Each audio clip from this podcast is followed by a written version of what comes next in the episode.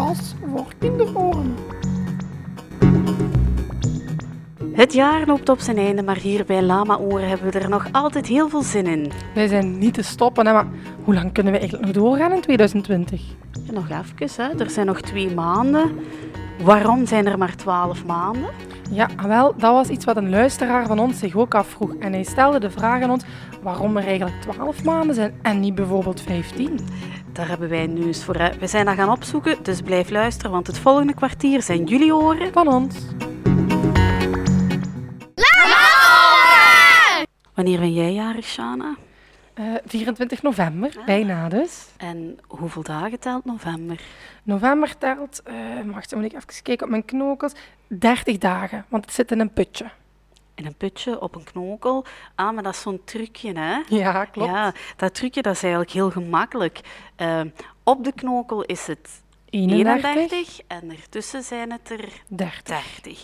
En we starten in januari, dus januari start op de knokel. Dat zijn er dan 31. Dan hebben we ah, februari. Dan komen er nog wat speciale gevalletjes aan. Hè? Want februari, dat kan ook in een schrikkeljaar. Zit je dan ook nog weer, zijn het er 28 of 29? Die Ja. moet nog specialer En zijn. waarom zijn er dat dan geen 30 of 31? En waarom zijn het er 30 of 31? Ja. Weet jij dat? Ik heb ooit geleerd van een juffrouw dat dat te maken heeft met het schrikkeljaar. Dus dat ze daar al een, eh, een dagje hebben tussen, van weggesnoept. Ja. Omdat het anders niet overeenkomt met de ehm, zonne... De zonne. Ik, ik heb die les nog gegeven Ja. voor, het, voor de vakantie. Ik kan dat, Ah. godverdikke. Ja, het, het, het zit hem ook een beetje. Het heeft inderdaad met de maan en de zon te maken. Hè. De zon bepaalt zowat de seizoenen, hè, want de aarde draait rond de zon. En hoe dichter bij de zon, hoe warmer, hoe verder van de zon, hoe kouder. Een kalender is opgebouwd uit maanden. Dus ergens moesten er ook maanden ontstaan. En maanden, welk woord hoor je daarin? Maan. Ja, heeft dan met de maan te maken. Dus niet met de zon, maar heeft met de maan te maken. En een maan, je moet maar eens goed naar boven kijken. Eh, soms heb je een mooie volle maan, dan is er veel licht s'avonds. Soms is er zo goed als geen maan, dan is het donker. Een maan die kan verschillende vormen aannemen en daar heeft hij ongeveer 29 dagen en poeh, ja, ik dacht 12 uur en zoveel voor nodig om van nieuwe maan, van niks, naar een eerste kwartier te gaan, naar een halve maan te gaan, naar een Laatste laatste, kwartier. kwartier, eh, dat is bijna zo drie vierde, naar een volle maan. Dus op een maantijd, dan gaat de maan verschillende gedaantes aannemen. En dat heeft ook een beetje te maken met het licht van de zon dat erop schijnt. Ja, en want wat de wij maan, geeft, zien. de maan geeft geen licht, hè? De maan geeft geen licht, maar wij kunnen die zien doordat de zon erop- schijnt. En het is maar waar dat de aarde op dat moment staat ten opzichte van de zon en van de maan, dat wij die maan een stukje kunnen zien of volledig kunnen zien.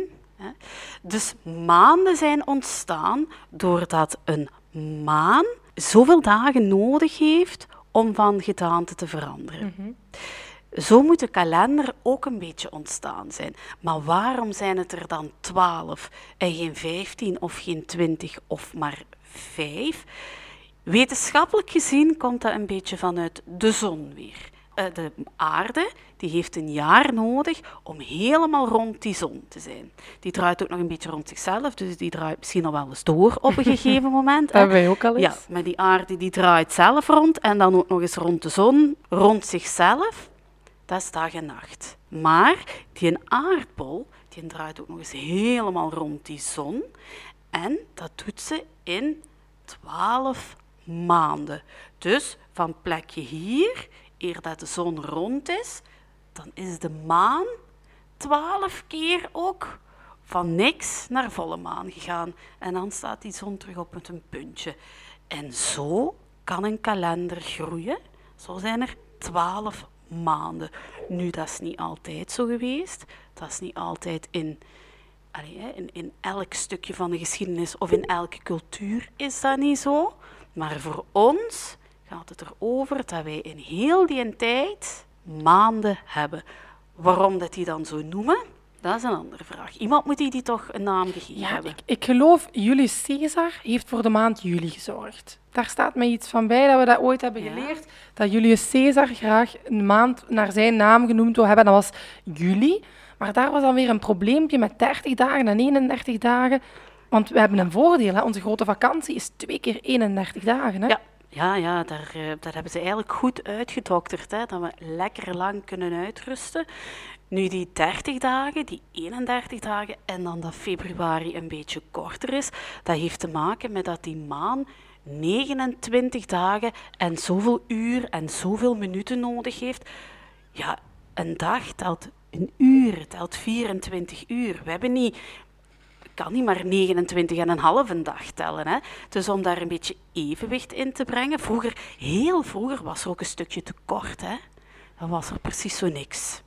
Ja, dat kon niet. Wat moesten ze daarmee? Ah, wel, dan hebben ze gezegd, we maken de ene wat langer en de andere wat korter. En februari is dan heel kort gekomen. Maar dat heeft ook nog een beetje te maken met een andere koning. Dat was August. Moet dat een belletje doen rinkelen? Augustus. Ja, die wilde heel graag dat Augustus, dat er een maand naar hem genoemd werd. Augustus is een mooie, nog heel zonnige maand. Dus August, keizer August of koning Augustus, heeft Augustus naar hem vernoemd. Ja, en die was een beetje ijdel en fier en wat hebben En die zei, ja, maar ik ben niet content met mijn 30 dagen. Ik wil er 31 hebben.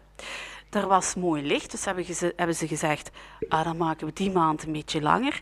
Februari, dan zitten ze nog in de donkere maanden. Als we die een beetje korter maken, dan zitten we sneller aan het licht. Dus hebben van februari nog een dag afgesnoept, 28 dagen van gemaakt, om in augustus een dagje extra te hebben. Ja, en toen kwamen ze achter een ander praktisch probleem. Want als februari altijd maar 28 dagen had, dan kwamen ze na een tijdje liep heel het systeem achter. Ja, dan zaten de seizoenen een beetje vast. Hè. Dan was er altijd één dag tekort. En als je één dag tekort hebt, dan schuift eigenlijk alles op.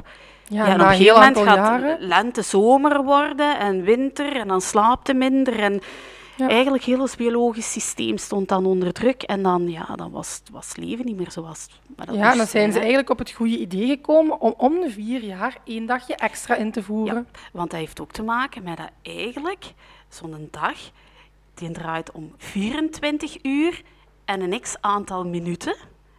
En eigenlijk, als je die allemaal optelt, dan maakt dat je nadien een dagje langer hebt. Een schrikkeljaar. Ik vind dat wel heel interessant, Vera. Want wist je ook dat er verschillende kalenders waren? Niet iedereen heeft de kalender zoals ons, hè? Ik ken verschillende kalenders. Bij mij hangt een verjaardagskalender op het toilet en er hangt uh, een fotokalender in mijn living. Maar ik denk niet dat dat is wat je bedoelt. Dat is niet wat ik bedoel, want bijvoorbeeld de Maya's, dat is een volk wat heel vroeger al leefde, die zouden nu in hun kalendersysteem in het jaar 5119 zitten. Want daar telde een maand 20 dagen en een jaar 260 dagen.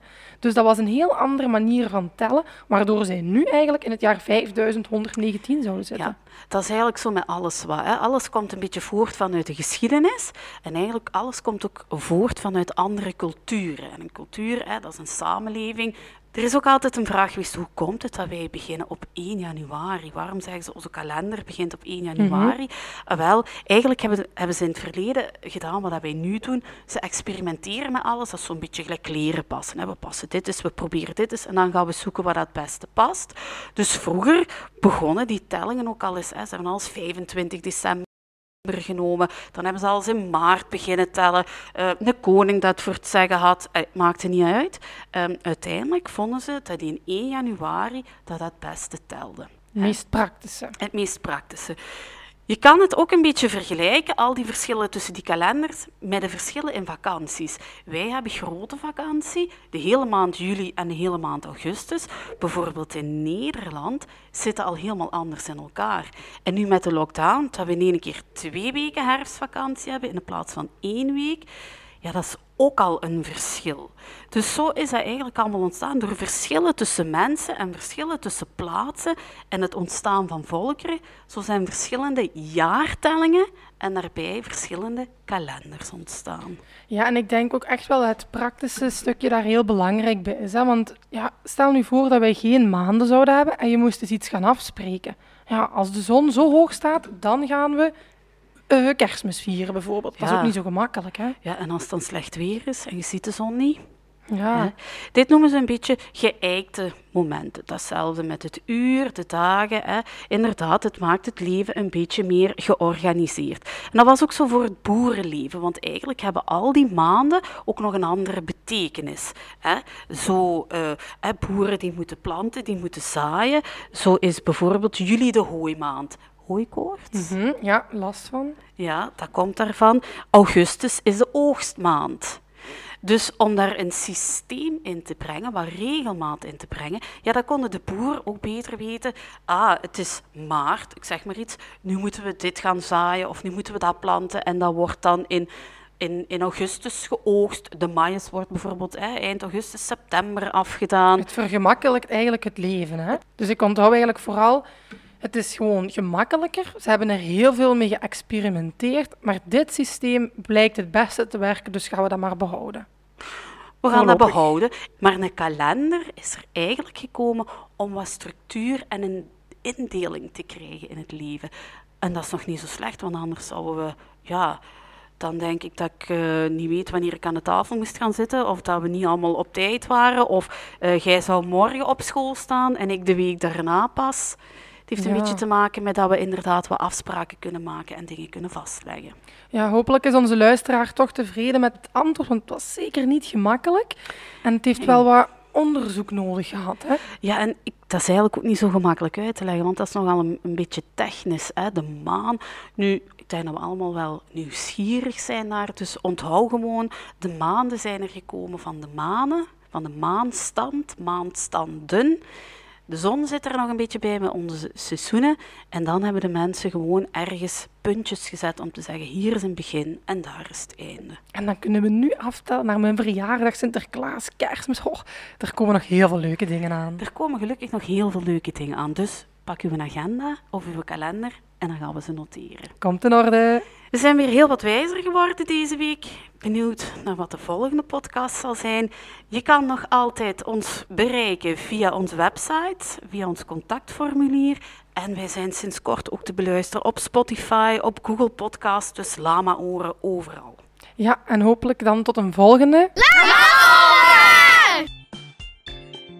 Je luisterde net naar Lama-oren, een knotsgekke productie voor kinderoren. De presentatrices zijn niet verantwoordelijk voor eventuele gehoorschade. Een dikke merci aan alle kinderen, juffen, meesters en lama's die meewerkten aan deze podcast. En voor jou een groot applaus voor het luisteren.